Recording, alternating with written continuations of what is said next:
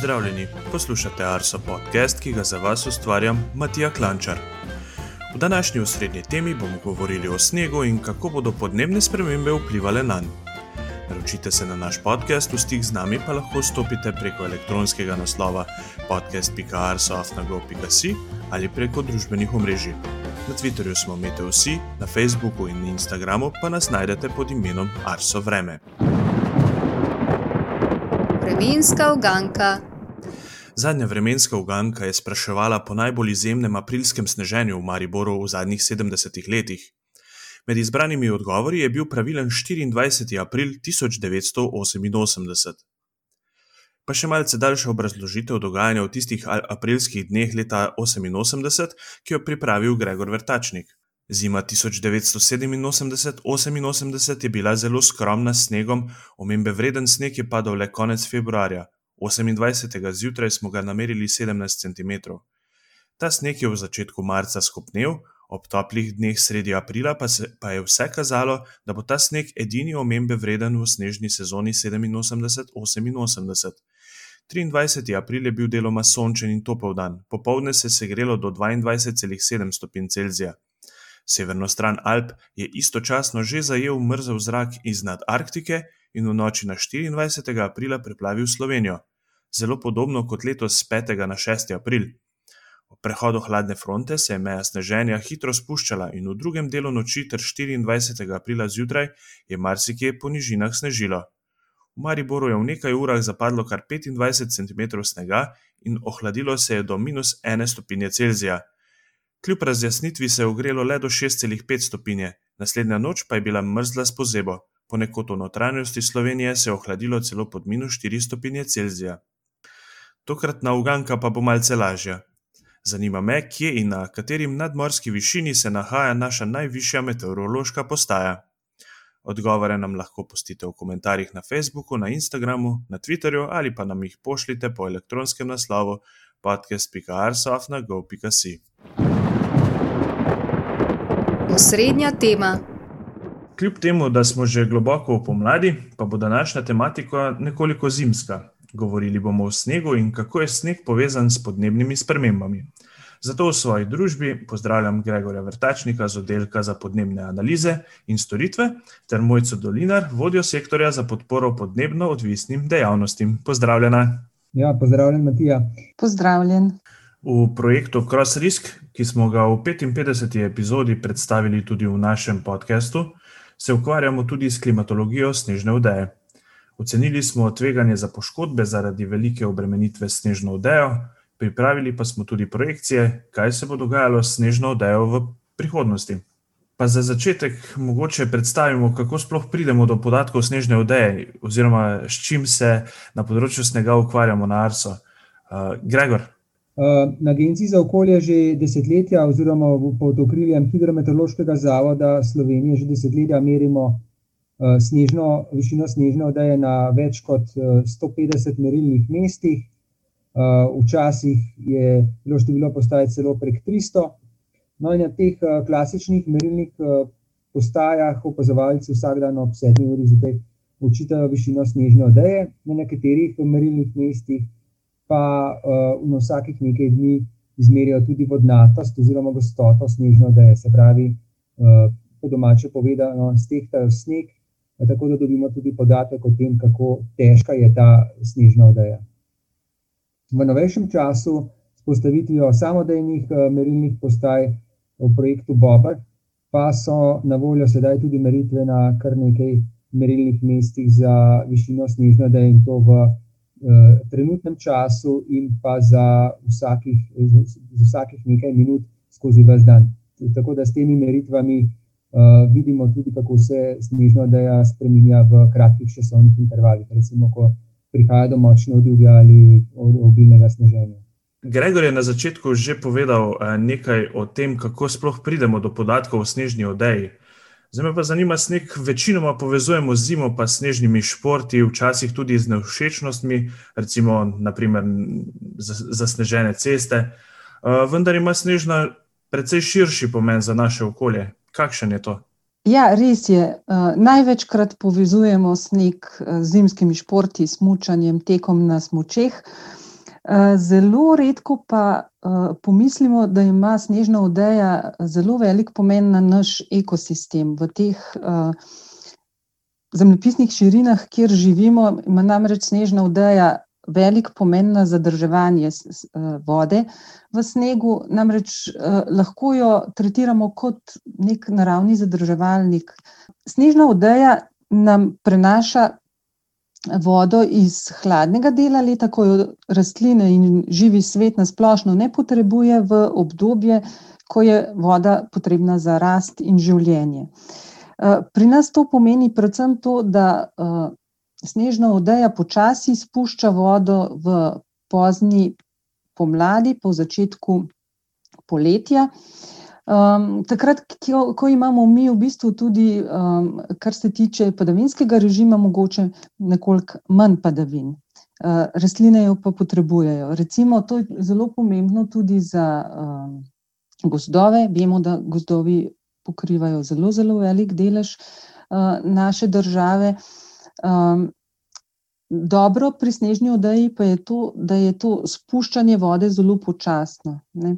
Tako da jo rastline lahko porabijo, ker vemo, če imamo padavine, predvsem take bolj, močne padavine, zelo močne nalive, voda lahko zelo hitro odteče, tudi če jo je dovolj, če jo pade dovolj, odteče po površini in se jo bolj malo, vsrka lokalno, tako da je rastlinam uporabna.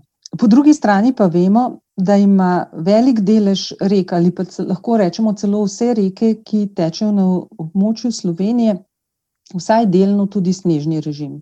Kaj to pomeni? To pomeni, da je njihov pretok vsaj, v delu sezone odvisen od tega, koliko vode dobijo, iz snega, se pravi snežnice.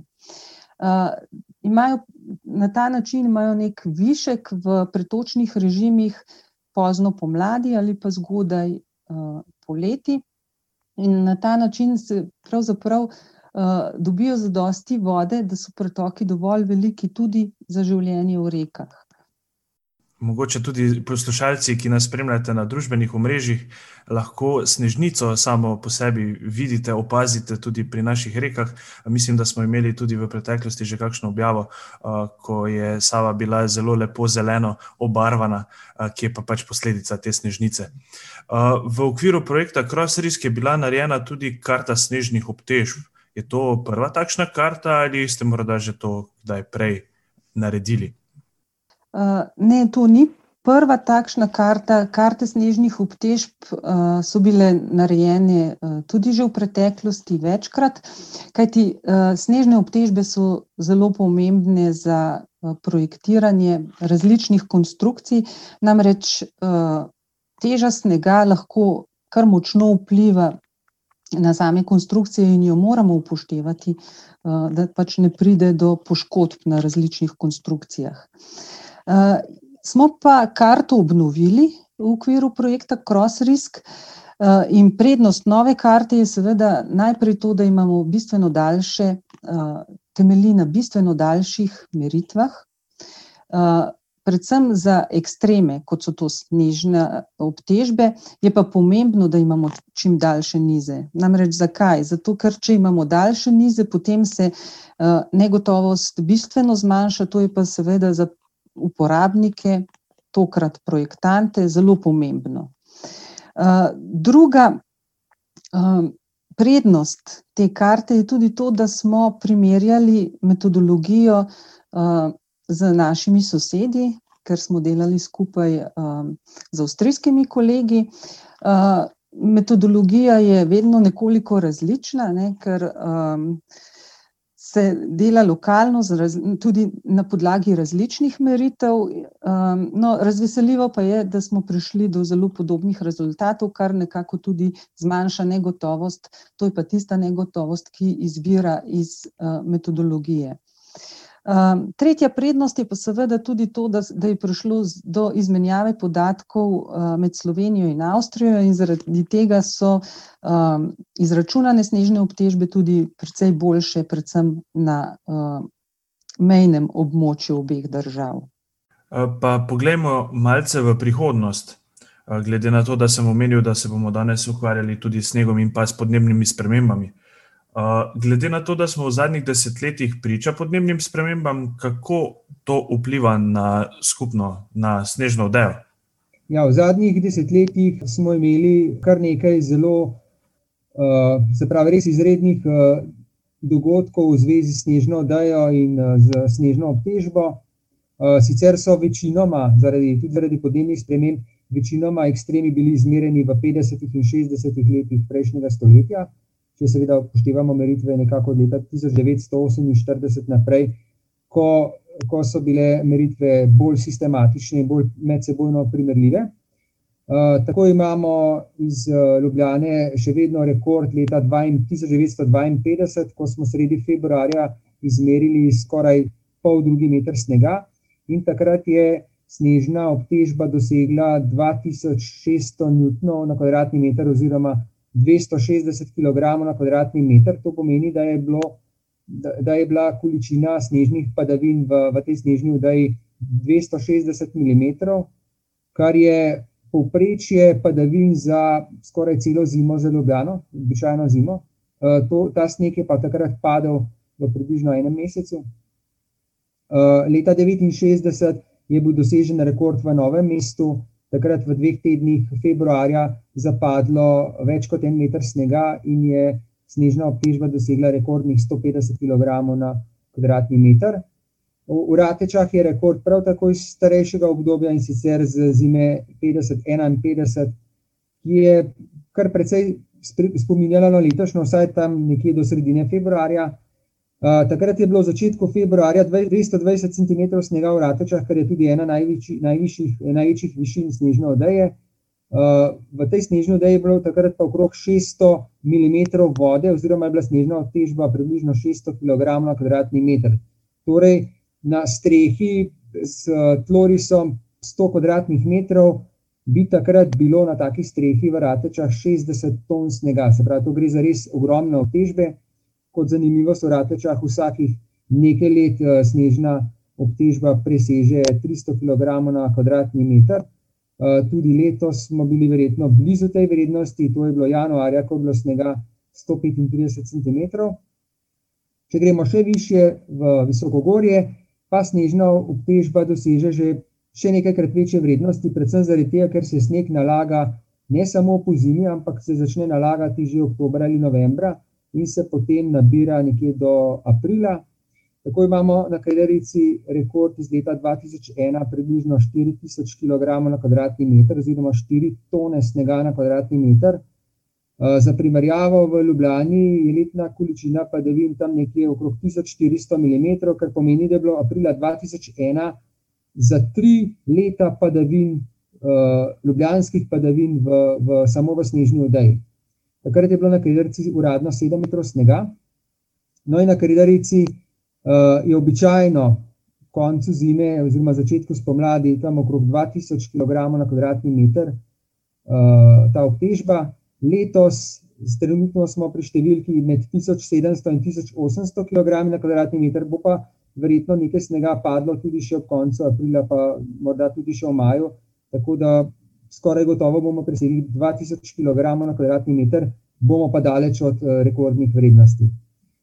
petdesetletne povratne dobe teh, na teh postajah, ki sem jih omenil, so večinoma nižje od, izmerjenih rekordov, še posebej izstopa Ljubljana, kjer je ta februar dvainpetdeset zares izstopajoč dogodek, ki se verjetno ne ponovi niti enkrat na sto let. Se pa večkrat zgodi, da je recimo v Ljubljani, Novem mestu snežna obtežba tam okrog sto kilogramov na kvadratni meter. pri Novem mestu velja izpostaviti, da kljub, segrevanju ozračja pozimi in pa večji, se pravi, večjemu deležu dežja še vseeno prihaja do dogodkov, ko imamo kar, veliko snežno obtežbo, tako je bilo recimo februarja dva tisoč trinajst v Novem mestu sedeminpetdeset centimetrov težkega južnega snega z obtežbo okrog sto deset kilogramov na kvadratni meter. No, in takrat je tudi prišlo do nekaterih poškodb, namreč ta vrednost iz februarja dva tisoč trinajst je bila med najvišjimi v zadnjih, sedemdesetih letih. Res ekstremni podatki. V okviru projekta CrossRisk ste pripravili tudi projekcije za prihodnost. Ja, tako je. Snežne, snežna odeja je namreč zelo pomemben dejavnik našega podnebja in ne glede na to, da že opažamo, da se zmanjšuje, bo še kar nekaj časa pomemben dejavnik, ki vpliva na različne dejavnosti, na različne gospodarske dejavnosti, po drugi strani slišali smo, da ima pomemben vpliv tudi na recimo projektiranje zgradb, se pravi, da moramo to tveganje oceniti tudi za prihodnost. Pomemben dejavnik je snežna odeja tudi za vodni krog, seveda pa znotraj takega projekta, kot je CrossRisk, smo skušali na ta način tudi izkoristiti prednost projektnega dela, predvsem s kolegi iz drugih služb, namreč podobno kot pri snežnih obtežbah smo tudi tukaj preizkušali različne metodologije in izhajali iz različnih podatkov in na ta način poskušali zmanjšati negotovost naših rezultatov. Kaj pa se bo s snežno odejo dogajalo v prihodnosti? Ker se podnebje v Sloveniji počasi segreva, segrevajo se vsi letni časi, tudi zima, vse več padavin je zlasti v nižinah v obliki dežja, sneg je redkejši, podnebni scenarij do leta dva tisoč sto, ta najbolj pesimističen, kaže, da bi se količina novozapadlega snega lahko še razpolovila v tem stoletju. Po zmerno optimističnem scenariju, ki je, ki morda kaže celo, da bo najbolj verjeten, bi se količina snega v večjem delu Slovenije zmanjšala približno, približno za eno četrtino, lahko tudi nekoliko več. nekoliko drugače pa kaže za visokogorje, namreč višina padavin se bo pozimi zaradi višje temperature zraka verjetno povsod po Sloveniji nekoliko povečala, kar pomeni, da bi lahko v tistih delih visokogorja, kjer zdaj praktično samo sneži, recimo nad nadmorsko višino dva tisoč metrov, padlo še več snega, nekoliko več snega kot doslej. Res pa je, da se bo zaradi skrajšanja snežne sezone, zaradi toplejših jeseni in pomladi, ta snežna odeja obstala manj časa, se, se bo tudi manj časa nalagal sneg, tako da verjetno pri snežnih obtežbah, pa tudi v visokogorju pričakujemo, da ne bodo več tako veliki ekstremi, kot so bili recimo v zadnjih desetletjih. Seveda za nižine to velja še toliko bolj, vseeno pa ne moremo izključiti, da bo tudi v prihodnosti še kakšna, presenetila še kakšna zima z z veliko obilico snega. kako pa te projekcije za prihodnost vplivajo na zadrževanje vode? Verjetno pomeni manj snega tudi manj vode? Ja, v nekem smislu res, ampak poleg projekcij za snežno odejo so tukaj pomembne projekcije tudi za padavine. Tudi projekcije za padavine smo pripravili v okviru projekta CrossRisk, no, in te kažejo, da se bodo padavine v zimskem času pa kar močno povečale na območju naše države. Ne, po drugi strani pa kažejo projekcije za sneg, da bo snežnih padavin manj, torej sta kar dva faktorja, ki bosta močno povečala odtok v zimskem času.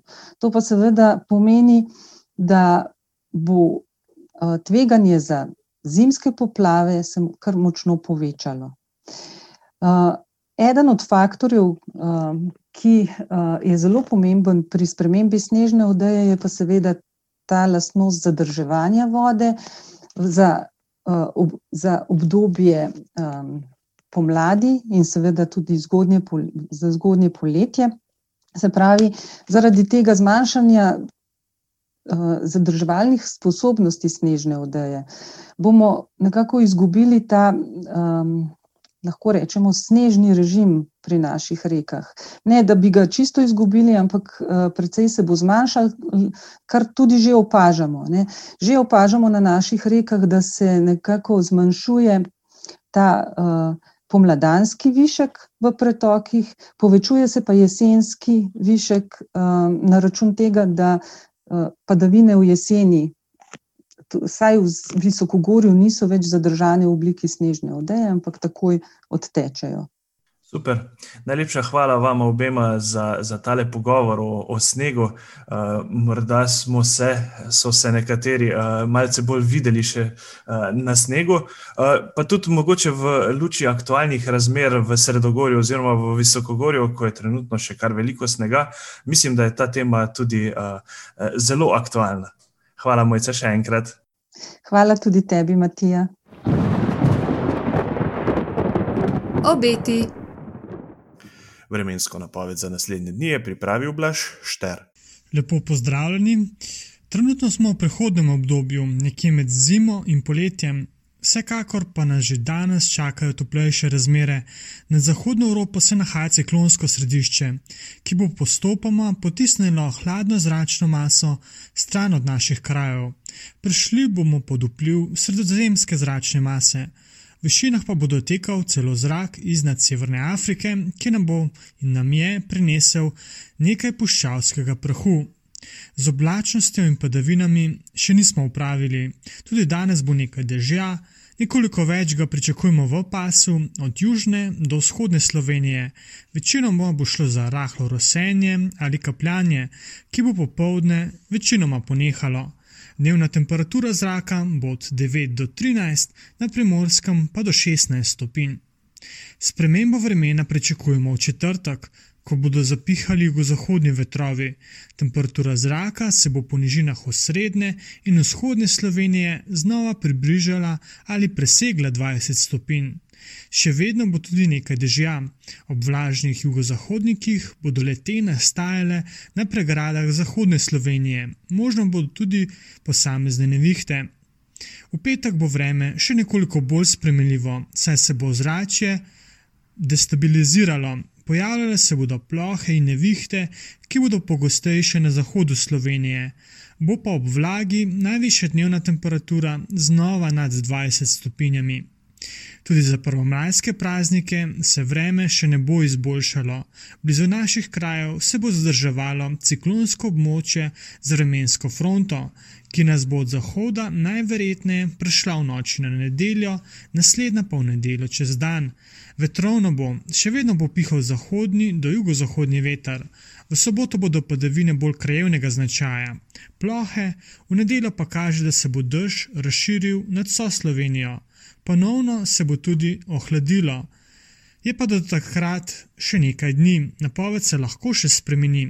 Prav tako kaže, da bo tudi v prihodnem tednu vreme zelo dinamično, zato spremljate naše produkte in vremensko napoved. Srečno! Vremenske zanimivosti. V tokratnih vremenskih zanimivostih si bomo ogledali obdobje od 12. do 25. aprila. Najvišja temperatura je bila izmerjena v Osilnici in v Novem mestu v nedeljo 25. aprila, ko se je živo srebro povzpelo do 24 stopinj Celzija. Najnižje se je temperatura spustila na naši najvišji meteorološki postaji na Kredarici. Minus 14,5 stopinje Celzija je termometer pokazal 14. aprila. Najhitrejši sunek vetra je bil izmerjen na postaji Slavnik, 13. aprila je pihalo s hitrostjo 107 km/h.